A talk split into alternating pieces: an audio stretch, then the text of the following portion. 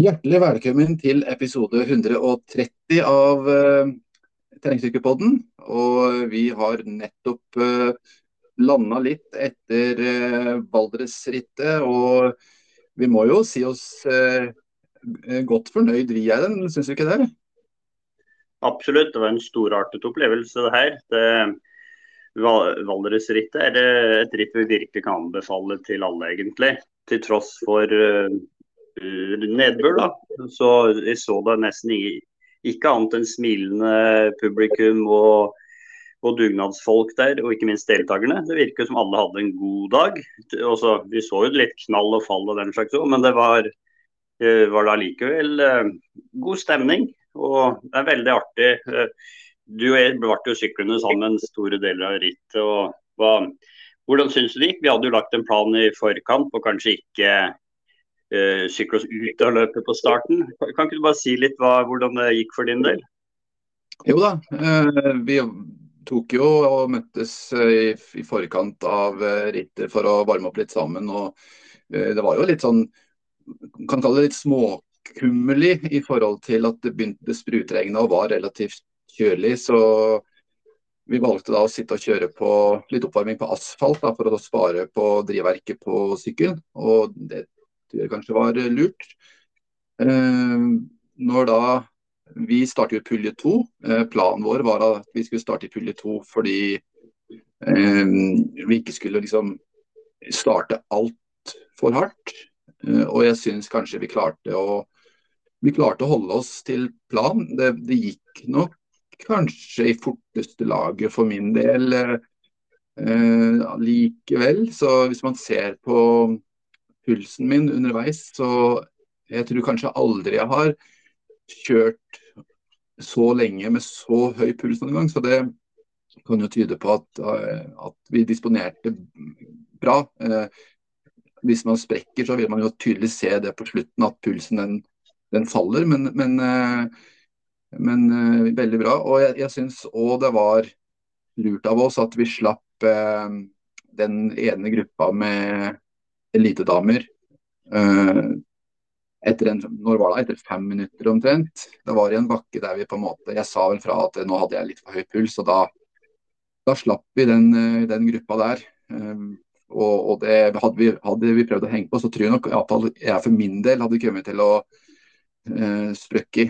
Jeg, tror ikke jeg hadde hengt med. Men du, hadde, du virka jo veldig sterk, synes jeg. Altså, vi kjørte jo vi kom jo opp til første terrengparti, og der, der, gikk det greit. Jeg tror kanskje du hadde litt mye luft i dekka dine eh, i terrenget der, men, eh, for der følte jeg at jeg fikk igjen litt eh, overskudd. Men når vi da kom på veien etter det første terrengparti og, og gruppa samla seg litt, grann, eh, da syns jeg da du pusher på ganske hardt, altså.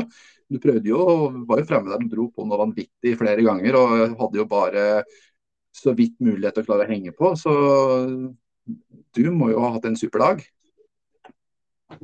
Ja da, det funker det her med å starte kontrollert. og når, Som du sa, da, når du, du merka pulsen ble for høy, og du sykler med wattmåler, så du følger jo med at du bare valgte å slippe gruppa. og så Heller ha litt krefter til vi kom i partier der man kan gi på litt. da, Så, så fungerte det veldig bra, det. altså. Så og vi ble jo ganske jevne inn. Det ble bare et par minutter mellom oss til slutt, tre. Så, og det er ikke så mye, det var jo krevende forhold og det er mye som skjer i løpet av et ritt. Så, uh, men som du sa, da. Jeg hadde nok litt for mye luft i dekka. Altså, det hadde ikke godt grep, rett og slett, i, i de bløte partiene. Særlig der det var uh, gress og gjørme. Da, da, da, hadde jeg ikke grep. Så da måtte man bare ta det med ro, for ikke, ikke tryne. Så, ja. Men det fungerte fint, det. altså Heller gi på på grus, grusveiene. Så, men det, det, er litt rart det her med Sist jeg sykla var i 2016, og det er jo syv år siden. Og sånn som jeg huska rittet, det var at det ikke var noe bakker der i hele tatt.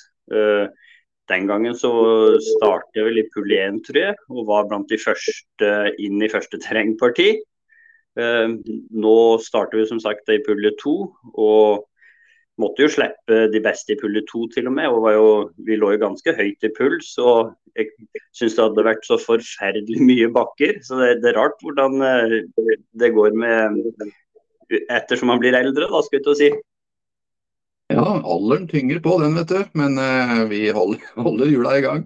Så ellers så var det ja, jeg, altså, jeg syns når det gjelder sånne her gjørmepartier, så føler jeg nesten at jo, jo, mer forsiktig man er, jo mer knoter man. Ja. Så jeg følte at hvis man på en måte bare tenker at man skal holde en rett linje gjennom gjørma, og så bare prøve å få opp farta litt før gjørmeparti, og så bare la det stå til gjennom gjørma, så føler jeg kanskje det er en bedre strategi for å unngå å knote enn uh, enn å ta det med ro. Men, ja, men ja, vi så jo en som gikk skikkelig over styret på første terrengparti. Så vi, hørte, vi hørte jo det gikk, det gikk jo bra med den, for det var ikke noe sånn veldig Det er jo bare gjørmete, så det er ikke noe mye stein og sånt. da, så, så det er ikke alltid at det å gønne på heller kanskje er måten å gjøre det på, men, men iallfall så er det den erfaringen jeg har. Jeg kjørte med 1,5 bar i dekka. Eh, tror aldri jeg sykla noe ritt med så lite luft i dekka noen gang, og følte at uh, det gjorde at eh, terreng, terrengpartia føltes mye lettere. Uten at det egentlig følte at det trilla noe dårligere på, på grus.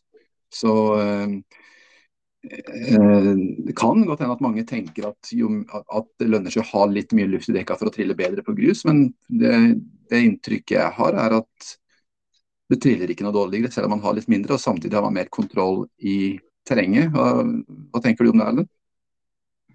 Nei da, absolutt. Det, vi hører jo Knut Røme sier det samme. altså Nesten heller for lite luft enn for mye for å ha grep. og Det, det går fort allikevel, og særlig på dager som i går. da, så er det en stor fordel. Men uh, som vi skal høre senere, da, kanskje det en fordel å kjøre med, med dekkinnlegg. da, for, Både for å spare felg og og redusere risikoen for punkteringer og den slags. Så, men uh, ellers så, så må vi jo bare takke da, arrangørene bak Valdresrittet for at de la til rette for at vi fikk lov til å komme og delta der. Og vi ble jo til og med uh, Vi måtte jo sykle med GPS òg, sånn at uh, folk kunne følge oss live. Det, det har vi ikke sykla med før. Nei, det har vi ikke. Det var flere som fulgte oss live. så Uh, og De syntes det var kjempespennende å se på. De så jo hvor du dro fra meg nå, og det var jo på en måte uh, på slutten. Etter at det Ja, skal jeg si ja. Vi kom liksom inn i noen motbakker der. når jeg var igjen en åtte kilometer til mål ca. Jeg hadde øyekontakt lenge, altså, så jeg så liksom det gikk litt fram. Det kom litt nærmere i terrenget, men tapte litt der det var der det var veisykling og der det var litt motvind, så da hadde du mer vatt enn meg der. Og så til slutt så så jeg deg ikke lenger, så det virka som at du økte tempo veldig inn mot, uh, mot slutten der. Gjorde, var det sånn at du gjorde det? Nei, det vet jeg faktisk ikke. Men uh, det er jo litt som med meg at jeg har det tempoet jeg har, og det kan jeg holde lenge, kanskje. da. Sånn at Nei, altså jeg vet ikke. Det var ikke noe sånn tempoøkning, egentlig. Det, det kom jo litt motbakker på slutten, og der fikk jeg jo bra fart sammen med den gruppa jeg lå i. Så det Nei da. Nei, sa i motbakke, mente nedoverbakker. Så da har jeg min fordel, vet du. Nei, ja. ja. Nei, men det var eh, uansett, Vi er uansett veldig, veldig takknemlige for at vi fikk ta del i den uh, opplevelsen her. og Bare noen tips i forhold til uh, hvis, hvis, noen ønsker å delta til neste år. Så uh, hadde jeg en veldig fin opplevelse med å bo på den campingen uh, ved Joker, som ligger, da, det ligger 500 meter fra eh, start og mål. der er det et fint sanitæranlegg med dusjmuligheter, spylemuligheter til sykkel. matbutikk er jo rett ved, så du, du, gå, du går ned til matbutikken på ett minutt. Intersport med alt du trenger av sykkelutstyr og sykkelverksted er da eh, minutter minutt unna. Så, så, det er på en måte å føle at man bor midt i smørøyet, samtidig som man kan ut og, og prøve løypa. Så jeg var jo i området ca. tre-fire dager i, i, forkant av start og fikk liksom opplevd eh, området. Og sykla gjennom traseen, eh, fikk jeg gjort. Eh, fikk tatt service på sykkel. så det var virkelig en fin plass å være på. Så hvis man planlegger det neste år, så ta gjerne og book inn på den campingen der, rett ved start. Ja, Nei, Det høres jo strålende ut. så det, Du fikk virkelig gjort grunnarbeidet før det rittet her? Ja, jeg gjorde det. Jeg fikk kjørt eh, Første dagen jeg var oppe der, så, så, kjørte jeg bare opp til siste terrengparti og, det, og, og fikk prøvd litt på det terrengpartiet inn mot uh, mål. Og andre dagen så fikk jeg kjørt hele traseen, som sagt. Da da fikk jeg litt uh, problemer med sykkelen, så jeg ble veldig usikker på om jeg i det hele tatt fikk vært med. Um, men uh, jeg trodde det var kranken som hadde virkelig fått seg en, en trøkk. Jeg tenkte liksom i forhold til all gjørma og vannet og alt sammen. Fordi når jeg da prøvde å løfte opp eh, bakhjula og prøvde å trå rundt med pedalene, så, så, var det nesten så det låste seg. altså Det gikk kjempetungt. Så hadde jeg den på service eh, nede på verkstedet der. Og de sa at det var ikke kranken, det var rett og slett eh, eh, gira som var litt feiljustert, og trinnshjula på sykkelen som var eh, helt utslitt.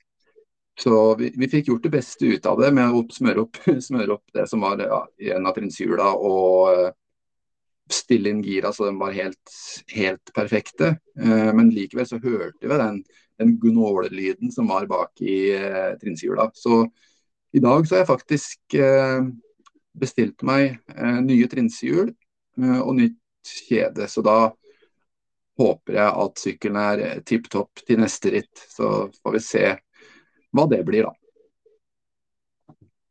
Ja, men da kan vi kanskje bare ta og uh, høre litt hvordan det gikk med den beste herren fra rittet og den beste kvinnen eller en av de beste kvinnene. Det ble jo som sagt ganske jevnt mellom Malin Karlsen og Emily Benham Kvåle.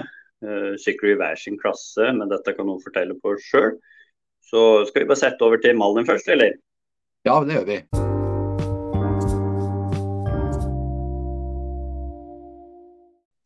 Da har vi trengt sykkelpodden fått med oss Malin Karlsen fra Son CK, som vant uh, Valdresrittet. Eller hvordan ble det egentlig? Du sykler i juniorklassa, kom likt inn med Emily Benham Kvåle i går. og Er det sånn at du da vant juniorklassa, og hun vant seniorklassa, eller hvordan ble det? Det ble vel jevnt mellom dere, ble det ikke så?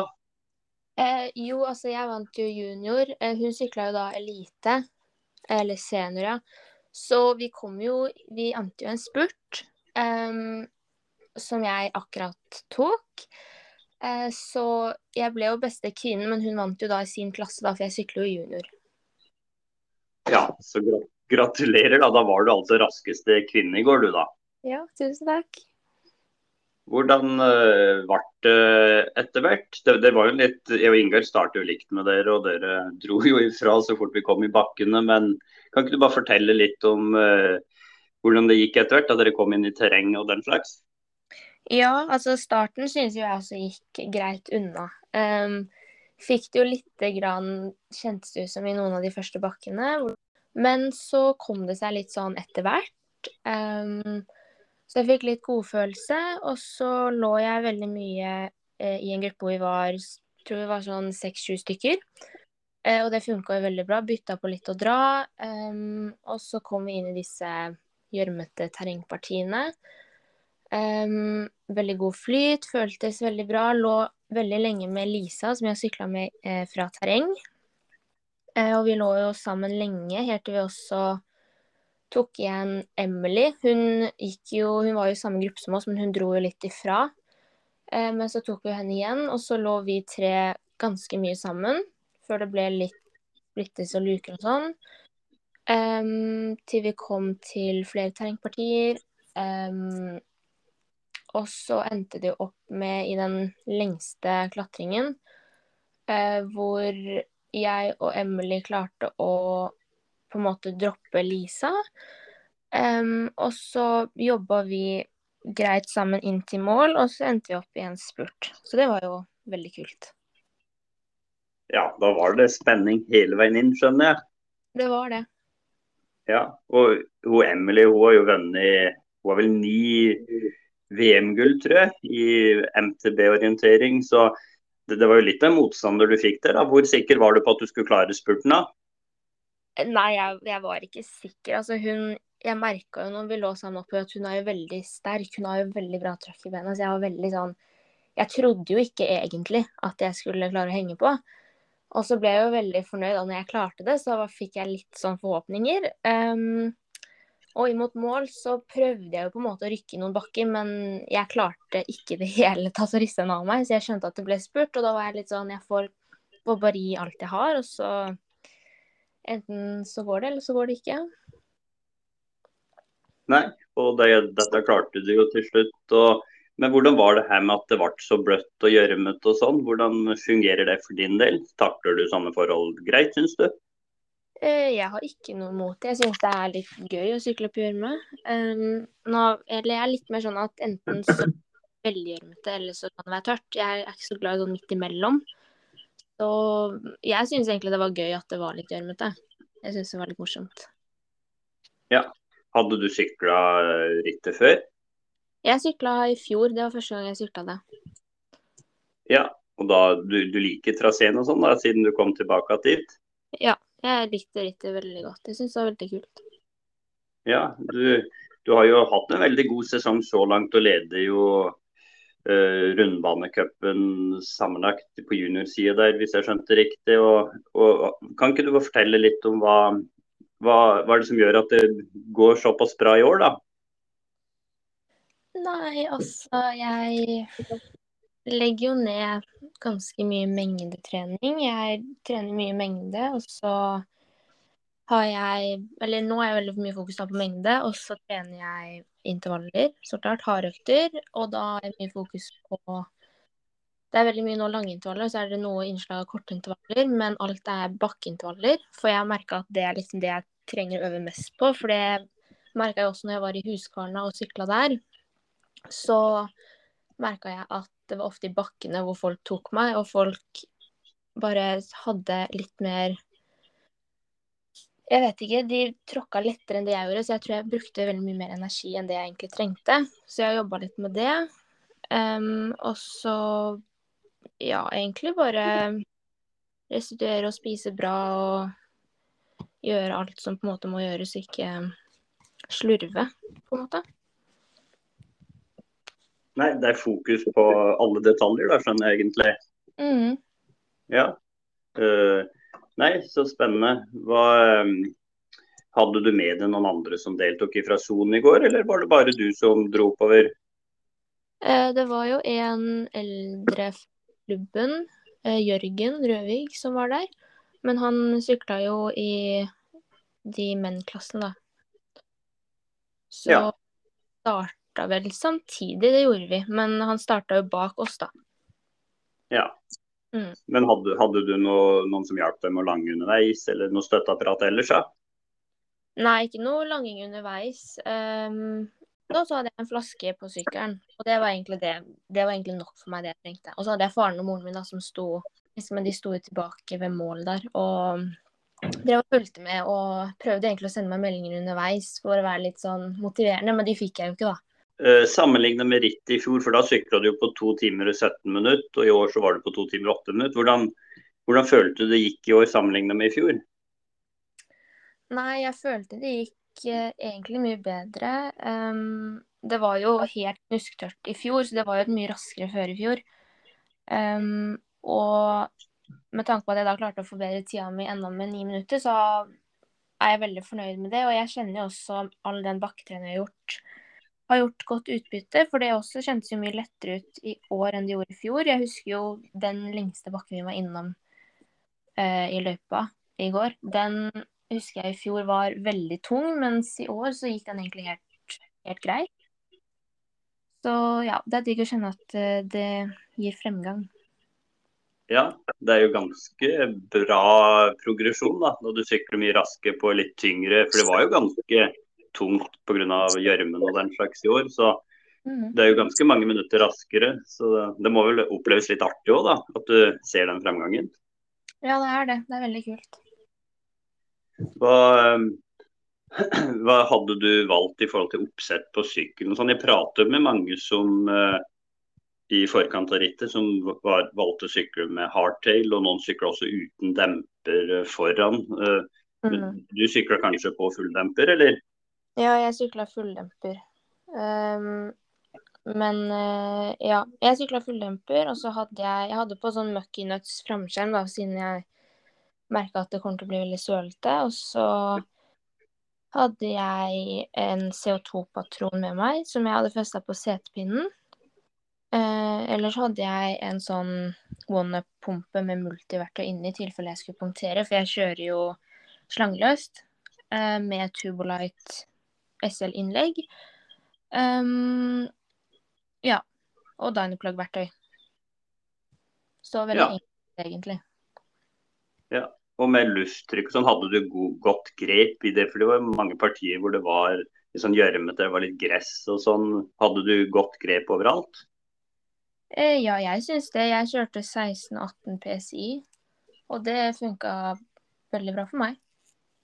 Ja, så bra. Mm. Nei. Um, Ingar, du har noen spørsmål du òg? Ja da. Uh, jeg tenkte på litt i forhold til dette her med ernæring underveis. Uh, tar du noe gel og sånt uh, noen, noen ganger under løpet? Jeg hadde en sånn flaske med gel, men jeg tok aldri noe. Jeg drakk egentlig bare sportsdrikke, sånn jevnlig. Nå er det vel eh, sånn at du skal kjøre noe ritt om ikke så lenge òg, så hva, hva, er det som er neste ritt eh, på planen din? Det er Brumunddal. 19. og 20. til 20. september. Så du skal ikke kjøre noe ritt uh, før den tid? Nei. Nei, Så da, det, da, tenker jeg det er mest uh, fokus på å, å, få inn en god mengdeperiode og kvalitet? Mm, stemmer.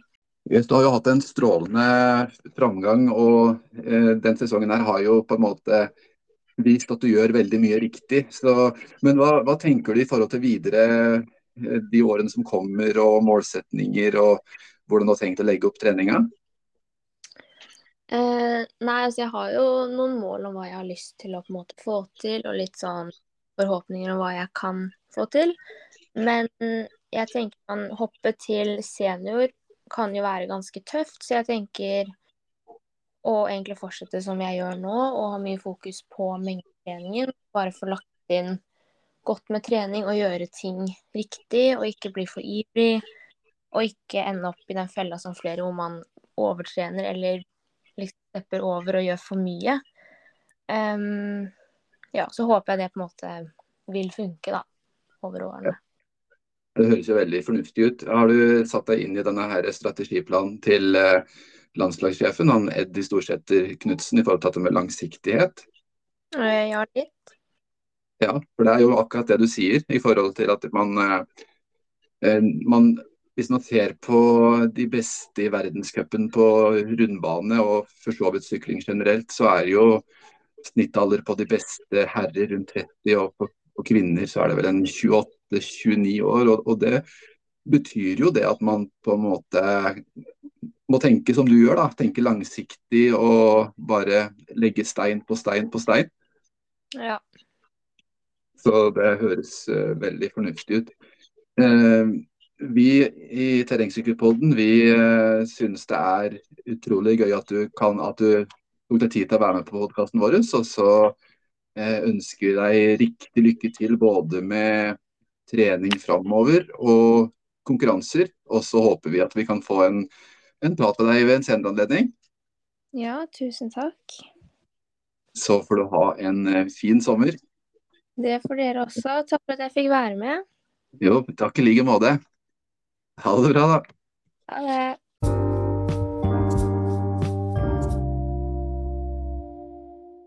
Da er vi så heldige at vi har med oss eh, Martin Røste Omdal. Og eh, først og fremst så vil jeg si gratulerer med seieren i Valdresrittet. Tusen takk for det.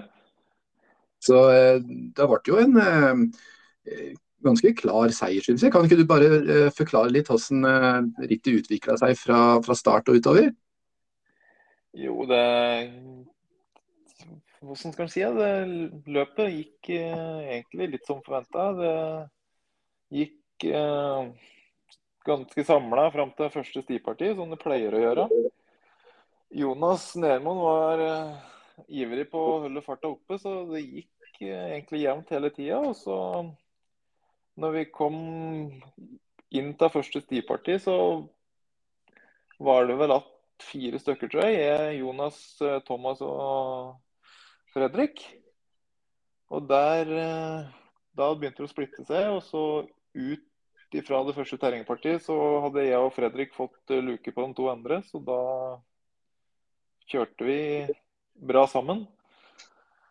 Eh, da kom vi jo egentlig ned på ei strekke der det er veldig flatt. Og vi kjørte bra sammen, som sagt. Eh, og rullerte og hadde farta. Og så kom vi til den egentlig, hva skal en si, opp til Sonja-verden, der det er kanskje den bratteste bakken og lengste på turen. Og da satte jeg litt fart. og inn på stien på toppen der så klarte jeg å få ei lita luke på Fredrik, som jeg da ble lenger og lenger. Og ja, kom solo inn i mål. Så det var jo egentlig veldig bra ritt for min del. Ja, det måtte jo være helt rå. Han, eh, han eh, Fredrik som ble nummer to her, han har jo hatt en eh, fantastisk utvikling eh, den sesongen her. Så det å, det å ta, ta, han, det, det er et dårlig og respekt av det, altså. Ja, absolutt. Han har prestert veldig bra i år. Så jeg trodde ikke jeg skulle klare å få luke på han, men jeg klarte å få det. Så da, da måtte jeg bare bite tenna sammen og prøve å holde den helt inn. Jeg visste ja. den lå og jaga bak, så det måtte bare fokusere framover og holde farta oppe. Ja, du følte deg som et, eh, et jaget byttom, nesten? ja, absolutt. ja, altså Det var også opp til toppen der. Det er jo faktisk eh, det er jo 1100 meter eh, over havet, så det er jo en ganske tøff stigning fra Neverstøen der og opp, syns nå jeg. da. Du syns sikkert ikke den er like tøff som det vi mosjonister syns? jeg syns den er tøff, jeg òg. Altså. Så det er absolutt ikke flatt opp dit. og Det, det er mye høydemeter som skal forsegles. Ja. Hvordan syns du om løypa sånn ellers, da? Nei, Vi var jo kanskje litt uheldige med været i år, da. Det var jo litt grått og regna litt før start, men egentlig så syns jeg løypa hadde holdt seg utrolig bra når vi kom, i hvert fall. Og klart det var jo en del blauthull, men uh, sånn overalt, så syns jeg det var ganske bra. Ja, ikke sant. Vi har jo snakka litt om de gjørmehøla som var. og eh, hatt, Vi har snakka litt om litt forskjellige eh, strategier for hvordan man skal løse sånne gjørmeutfordringer best mulig. Men har du noe strategi på det? Lønner det seg å ta det med ro og eh, være forsiktig, eller lønner det seg bare å holde farta oppe og tenke rette linjer? Nei, litt min erfaring opp igjennom har vært at eh, det å holde idealsporet er som regel det lure. For der er det ja, som regel fast under. Da. Så selv om det kanskje er litt dypere med vann, så er det kanskje det tryggeste sporvalget å ta bare å følge, følge den idealsporet. da. Ja, for det er veldig fristende å prøve å sykle utafor. Du ser jo det, der er det djup gjørme, og du, du ser, det, er, det er det som er idealsporet. Men men eh, du ser kanskje det er noen som har prøvd å sykle utafor, så tenker du at det er sikkert det lureste. Men da, men, men da er jo det, det, din erfaring da, at det lønner seg faktisk sjøl om det ser ille ut, å bare følge idealspor uh, uansett. Ja, det, I de aller fleste tilfeller så syns jeg det er en god taktikk. Ja, det er nok uh, smart det, altså. Jeg syns personlig at det var litt moro, egentlig. altså Spesielt disse her kryssingen av disse her småelvene og greien. Det, det syns jeg var uh, moro. Det var jo nesten, det var nesten å hoppe ut i, ut i et basseng fra femmeteren, den ene passeringa der. ja, den, den, ene var veldig djup, så du ble uh, våt, ja. Ja, det kan man trygt si. Han, eh, vi var jo ganske gjørmete i forkant av det, så godt å få vaska seg litt. Men samtidig så vi ble det sikkert like gjørmete etterpå. jeg tror nok det. Ja. Og så var det en sånn eh, eh, litt uti der, når vi passerer forbi et sånt vann, så, så, kjører vi vet du, over eh, elv eller en liten bekk, eller hva skal kalle det for noe. Der, eh, der det er lagt sånn steinbru over. Var det sånn at du valgte å kjøre over steinbrua, eller kjørte du i vannet der òg? Eh, steinbru? Nå er jeg ikke helt med hvor dette der var hen. Nei, det var på en måte når vi kommer uh, Første terrengpartiet? Nei, ja, det var etter vi har vært oppe på toppen. Så det er liksom etter det terrengpartiet der, og så, og så skal vi ut forbi et vann, og så er det sånn stigning oppover. Å ja, da, nei, nei, da kjørte jeg gjennom elva. Ja, du gjorde det, ja. Ja. Jeg var og kjørte gjennom der på torsdagen og, og vi hadde tenkt litt på om vi skulle kjøre over, men det er sikkert det tryggeste var å kjøre i elva. Ja. Det, var, det så litt skummelt ut. Ja, den, den så litt røff ut, den steinreisa over. Ja, jeg, jeg syns det, altså. Uten å ha vært gjennom løypa dagen før, så så det ut som et trygt valg å ta elva den dagen. Ja. Det er ingen vits i å ta noen sjanser å ødelegge seg, altså. Nei. Så, ja, er skal du sykle Sjusjørittet du, eller som kommer mot uh, helga nå? Jeg driver og vurderer det kraftig, altså. Ja. Jeg har pleid å kjøre det de siste åra, det er et veldig fint oppkjøringsritt nå mot høsten. Og det er litt eh, mer grus, og, så jeg tror nok jeg blir kjørende der. ja. Du har jo hatt eh, eh, en veldig god sesong eh, den sesongen her. og eh, du, har, eh, du har jo fått trent bra. Du, du kjører fortsatt på team eh, Hunton Hardrock, så det, det virker som på en måte å være et veldig sammensveisa og fint team. Ja, vi, vi, vi er et sterkt lag, så eh, formen har absolutt vært bra i år, både på meg og flere på teamet. Så det er artig det når det går bra. Ja. Er det, er det flere av dere som skal på eh, som skal delta på, på, på, på Sjusjøen? Eh, Der blir vi flere. Jeg er litt usikker på hvor mange vi blir, men jeg vet at det er mange som er ivrige på å sykle der. Ja. Jeg vet eh, Erlend er jo òg påmeldt der. Eh, Sjøl så er jeg ikke helt sikker ennå pga. noe ferieavvikling og greier. Men, eh, men eh, jeg skal prøve å være med, jeg òg. Men eh, Mm. Erlend er påmeldt. Så du eh, har sikkert en del spørsmål du og Erlend? Ja da, jeg har jo det. Så jeg har jo sett at du, har hatt mye harde kamper med videre med lagkompisen din, eller teamkompisen din i år. Så hvordan, hvordan var det å stille et ritt der nå hvor han ikke deltok? Ble det annerledes, dynamikken i, i tetgruppa?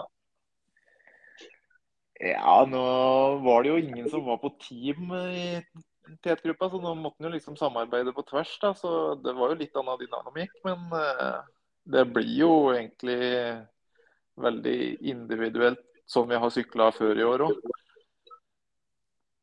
Det Ja. splitter seg, og vi kjører for å kjøre fortest mulig uansett, liksom. Ja. Hvordan eh, Eller hvorfor stilte ikke Vidar nå? Han var påmeldt, tror jeg, men sto som ikke startende, eller? Jeg tror, tror han hadde det travelt med noe annet denne helga, så han fikk nok dessverre ikke tid til å ta turen oppover. Nei, nei, sånn er det jo av og til. Så. Men, men vi, når vi ser på resultatlisten, så står det jo ofte du og han eh, øverst, og så bytter vi litt på hvem som står som nummer én og nummer to. Så, men er, er det sånn at dere, når det blir dere to som ender opp og må knive om seieren, for å si det sånn, da, da er det fritt fram, liksom? At dere bare den sterkeste vinner, skulle jeg til å si? Ja. Er, det- er det vi to som ligger igjen foran, så er det sterk kamp om å ta den førsteplassen. Ja. Det, er, det er ikke noe som er gitt der, nei. Nei da. Og like gode venner etterpå uansett, eller? Vi er gode venner uansett. Ja. Hva, hva, hva syns du liksom har vært høydepunktene for din del nå i år? Hvilke ritt er det du vil trekke fram da? Nei, jeg har jo vært litt i utlandet og sykla. Jeg syns jo det er veldig artig å konkurrere internasjonalt. Så skulle jeg ha trukket fram noe, så hadde vel kanskje vært å sykle EM i Frankrike. Og det var egentlig et uh, veldig bra ritt. Ja. Er det noen norske, norske ritt du har vært fornøyd med? Annet enn kanskje Valdresrittet? Nei, Furusjøen var egentlig et veldig bra ritt for min del. Det, det er jo noen høydemeter og sti som skal igjennom. men Vidar knekte meg på slutten, men jeg følte at eh, formen var god og beina var gode store deler av løpet. Så det var egentlig et veldig bra løp der òg. Det har ikke vært noe rundbanesykling på deg i år, eller? Nei, Det har det ikke blitt noe av ennå. Nei, Men har du plan, plan, planer om noe? Nei, jeg har, har, ingen planer om det. Men uh, byr tida seg, så skal du ikke se bort ifra at jeg kaster med meg på noe. Nei. Sånn, uh, et av de viktigste ritt i år, blir det Norgesmesterskapet eller på Hanekamp Ripjakta? Klart det er et viktig ritt, men for meg så tror jeg disse høstrytta, grusrytta som kommer nå utover i august er viktigere med både Sykkelvasan, Grenseritt og Birken. Ja. Det er de tre du tenker i august, eller som er viktige? Ja. For meg så står de veldig høyt. Det er jo noe ritt borti i Sverige, og jeg og Ingar har jo vært og sykla et par ritt og sånn. Det er ikke noe Titter du nå på dem, eller og ser om dem er noe aktuelle? Du har vel et neste søndag bl.a. òg? Jeg har, faktisk tatt dem i kalenderen i år, men uh, det går såpass mye andre ritt. Og det blir litt reisevei på de fleste i Sverige, så det har ikke blitt noe i år. Men det er absolutt noe jeg har på radaren. og Byr det seg, så drar jeg nok. Er det ellers noen sånne ritt eller konkurranser du vet om som kanskje ikke alle andre har hørt om, eller er det noe som kommer nå i høst? Nei, nå fylles jo egentlig høstsesongen opp eh, ganske bra. Og så begynner jo cyclecross-sesong etter hvert, som jeg også har tenkt å sykle. Så jeg tror ikke det er så mye andre artige ritt enn der, kan du si. Nei, det blir ikke noe mer turer sånn til utlandet eller noe den slags? Det er, det er noen, noen, ritt. Det går noe worldcup i Frankrike og litt forskjellig, men eh, ja, jeg, jeg veit ikke hva, hva, jeg blir deltatt på. Hvordan eh, syns du det fungerte i går i forhold til eh, det, det, ser ut som du har med deg litt hjelp på disse ritta, stemmer det, eller? Jeg har med veldig god hjelp. Jeg har jo med Samboeren min er med på stort sett det meste og er med og langer og har med litt hjulsett og sånn hvis jeg skulle punktert. Så jeg har god hjelp. Og I tillegg så hadde jeg med far min i går, så det, det skal ikke stå på hjelpa. Nei, så bra. Det er vel litt motiverende når du vet de står ute i løypa, kanskje? Eller underveis?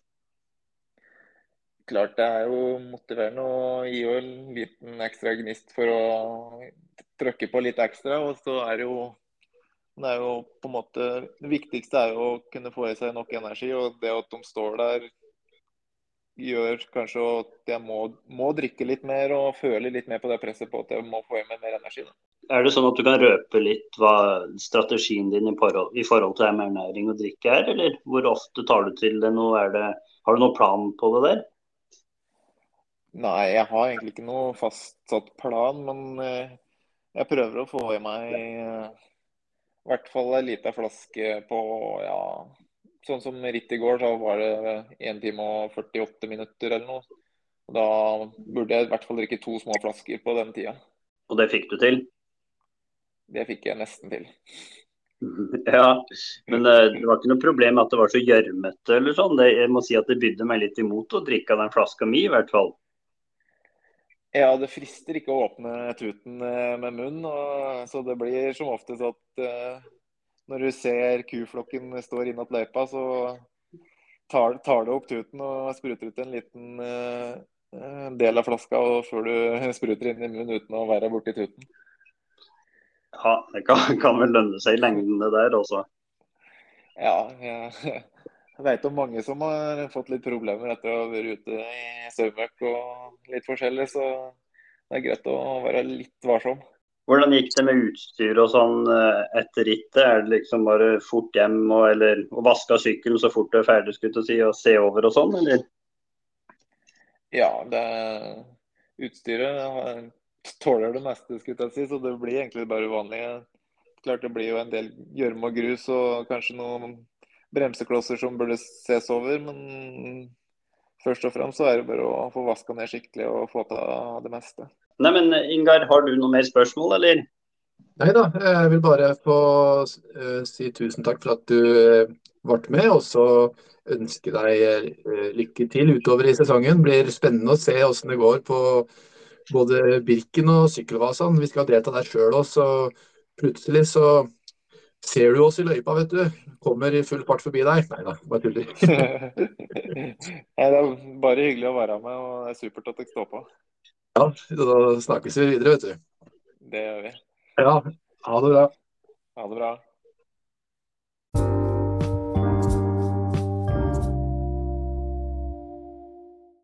Ja, jeg må si jeg er uh, veldig imponert over nivået både til uh, Martin og til uh, Malin. Vi fikk jo skikkelig vi, vi, ble vel skikkelig satt på plass, kan vi ikke si det, Erlend? Jo, vi ble det. Jeg må si det var, Hvis man tenker over det, så var det litt interessant det her med det kvinne-elitefeltet, hvor du har Malin Karlsen, som tidligere har drevet med radiostyrte biler på høyt nivå.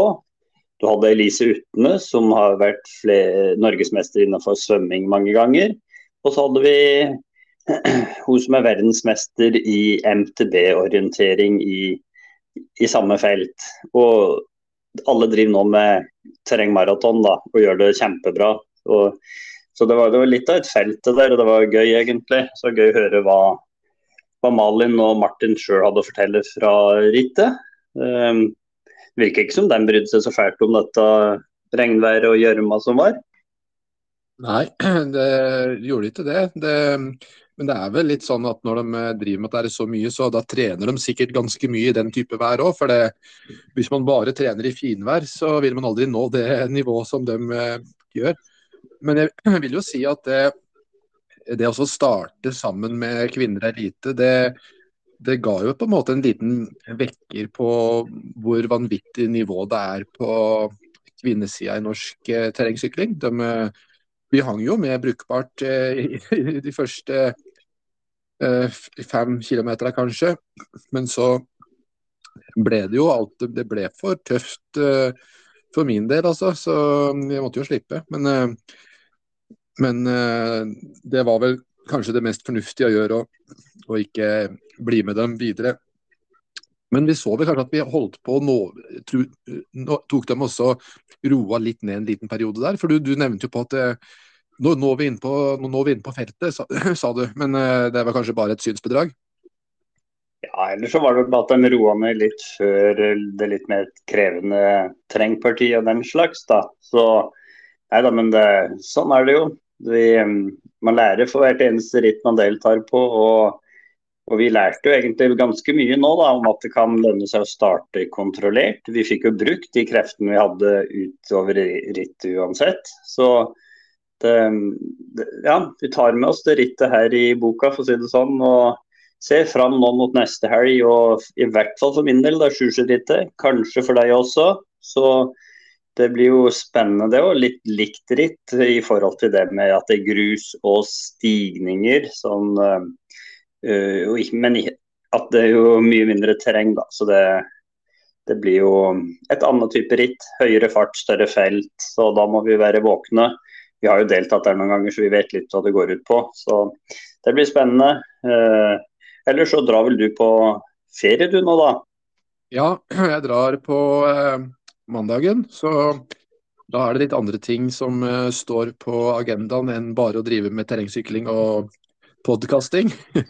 så det blir eh, Jeg tar jo med meg sykkel dit òg, da, sjølsagt. Men eh, jeg skal prøve å fiske litt sammen med onkelen til eh, Desiree, sånn at vi kanskje får fylt opp fryseren med litt, eh, med litt seifilet. Det, man vet jo aldri hvordan det går og hvordan bettet er og sånn, men eh, han eh, gubben der han har en tendens til å finne igjen storseien, altså. Så han, han, har peiling på det han driver med, så vi får se. Så kanskje, så kanskje rekker jeg tilbake til, til Sjusjørittet. Jeg håper virkelig det, for det er et ritt som som jeg føler eh, passer meg ganske bra. Det er eh, mye, mye eh, grusvei og ja, en del Altså det er mye sånn kjøre i felt. I fjor så startet jeg vel litt for hardt, som vanlig. Jeg la meg i en gruppe som jeg kanskje ikke helt hørte hjemme i. Og eh, fikk svi litt for det på slutten, sånn at det, du, det feltet du satt i, det du nådde at meg når det var igjen en mil mål cirka, og da, da, ble jeg med dere da inn. Men uh, hadde jeg sittet i den gruppa der fra starten, så kan det godt hende jeg hadde fått en enda bedre opplevelse. For det, det å sprekke det er jo aldri noe særlig behagelig. Uh, så sånn sett så bør man ha det litt med ro i starten, ja. Ja, nå Hvis man ser fram mot Birken, da, så er det litt uh, greit å få oppleve den her rosinbakken. da. Bare at uh, på Sjusjørittet så tar du og knekker til høyre istedenfor å fortsette opp hele rosinbakken. Så man får liksom vært litt borte der og får en forsmak på, på Birkebeinerrittet, sånn som jeg ser det i hvert fall. Og, og selv om du da knekker til høyre opp i rosinbakken der, så fortsetter det å stige, og så kommer inn i terrengparti. Så det, det, det, er krevende på sin måte det der òg. Og det er jo ofte der det avgjøres litt. Det splitter seg opp og blir noen små grupper da etter terrengpartiet og inn mot mål. Og så ble det en vanvittig spurt mot slutten. og Hvis jeg husker riktig, så tok du meg på slutten her i fjor, i hvert fall. Ja, altså jeg hadde en uh, taktikk på å spurte veldig fort nedoverbakke mot, uh, mot uh, der vi skulle kjøre av, så det fungerte ganske bra. Ellers så får vi håpe at det er så mange som mulig melder seg på. Nå er det vel noen og 60 påmeldte, er det ikke det? Ja, det Sist da jeg meldte meg på, så var det rundt 60 påmeldte. Det er jo et ritt som har opplevd den trenden som alle ritt opplever, med at det er litt færre deltakere. Eh, jeg må jo si Valdres ritt hadde jo mye deltakere. Det har vært ritt som har hatt mye deltakere nå òg, men eh, generelt så opplever nok de fleste at det går litt ned. og eh, Det er jo ikke veldig mange år siden jeg syns det var enormt mange deltakere på Sjusjørittet, men nå er det litt færre der, da. Men det, det trenger ikke å ha noe å si. Også, det er store grupper og felt der allikevel, men det er absolutt plass til flere enn de 60 som er påmeldte nå. Men det har vel vært litt sånn at de fleste melder seg på nå siste uka. Man gjør seg ferdig med denne helgas ritt, og så ser man videre mot neste uke og neste helg. Ja, man gjør jo det. Og eh, eh det blir vel Gøpa-sykkelen vi bruker denne gangen her, tror du ikke det? Det blir hardtail for min del, ja. Få en litt lettere sykkel og og, med demper foran så holder det, altså når, når det ikke er snakk om noe verre terrengparti enn det der. Men det, hun hadde jo et vanvittig fall der i fjor hvor hun gikk over styret. Så eh, fulldemper er aldri noe galt valg, det. Og vi vet jo at de aller beste der stiller alle med fulldempere sine. Ja, de gjør faktisk det, sjøl om det er mest eh, grusvei. Det hadde jeg egentlig tenkt å spørre Martin om Eh, i forhold til valg av, av sykkel. Uh, om eh, målet er plasseringsmessig eller om målet er eh, tidsmessig. Eh, det kunne vært litt interessant å fått en liten diskusjon på. For Det kan godt hende at det, de, altså de, beste kjører på fulldempere fordi de vet at det, det mye avgjøres i tøffe rykk i, i terrenget, er nå det jeg tenker. Men for en mosjonist så er det ikke sikkert at det er sånn plassering som er det som er viktig, men kanskje heller sluttida eller tid bak eh, vinner eller, eller, den type ting. Kanskje, det, kanskje da en hardtail eller en stiv sykkel kanskje er fordelaktig i forhold til en uh, full demper. Har, har, du tenkt noe på det, du? Ja, nei, Det hadde vært artig altså, hvis, eh, hvis, man med samme form kunne stilt opp i to noenlunde like ritt. Da, altså sett. Men, men problemet er det er forskjell på det, det, er sånt du nesten ikke får målt, vet du. For det, man har forskjellig form fra det ene året til det andre, og ting endrer seg. Før så var det ikke noe problem, for da sykla jo alle med hardtail. og da, da, var det sånn at man sykla hardt i motbakker og på grusveier, og så roa alle seg ned i terrengparti, for alle hadde hardtailer. Men nå er det jo Ja, man sykler jo hardt fortsatt, da, men det er litt motsatt. Nå klinker alle til i terrengpartiene. Så og de holder følge sammen på um, grusveier og i bakkene. Så nei, det er eh, jeg vet ikke. Det, det, er ikke godt å si. Det, det er nok ofte syklisten oppå som har mest å si, vil jeg tro. Ja, og eh, det er vel sånn på Sånn som Birken òg, så er det vel full, de, som, de som vinner der, kjører vel på fulldemper, gjør de ikke det?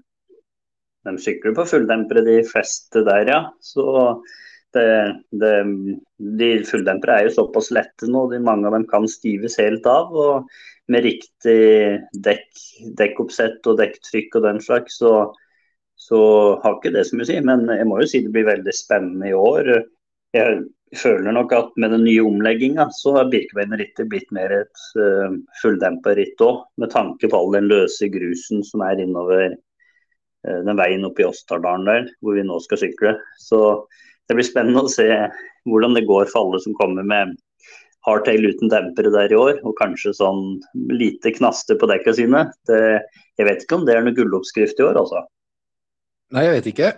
Det, vi burde vel nesten ha fått uh, testa ut traseen skikkelig i forkant. Uh, har, du, har, du, vært og sett på traseen ennå, du? Den nye traseen på Viken?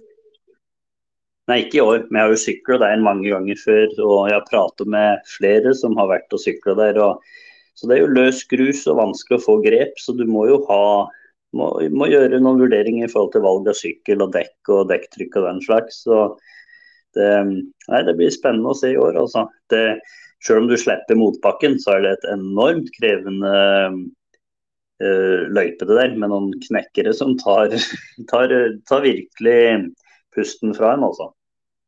Ja, virkelig. Jeg må si at jeg gleder meg veldig til å prøve. Men eh, jeg har nok personlig bestemt meg for å kjøre på hardtail på Birken, jeg, da. Eh, så får vi nå se. Jeg traff forresten en eh, veldig koselig fyr som lå i telt ved sida av meg på campingen oppe på eh, Valdresrittet her. Og han, han kjørte Valdresrittet på eh, helt stiv sykkel og, og, sverger til det. Så dette er kanskje litt smak, smak og behag òg, kanskje? Ja, var det så du fikk prata med han etter rittet? Nei, jeg rakk, jeg rakk ikke å få truffet noe etter rittet, men uh, han uh, sykler jo på stiv gaffel. Og hadde snakka med flere som, uh, som, gjorde det på Valdresrittet og mente det var en, en god oppskrift. Så det kan nok hende det, det er det, så ut ifra hva, ja, hva, jeg har forstått. Men som sagt, er sikkert mye smak og behag.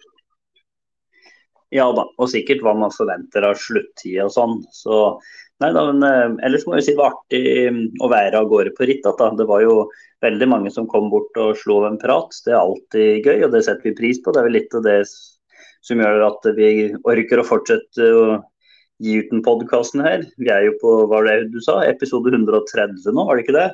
Jo, det er det. Så vi er på en måte på et litt rundt tall. Da. Så vi burde vel ha markert det på en måte. Men det blir vel en vanlig episode det her som alle andre, blir ikke det?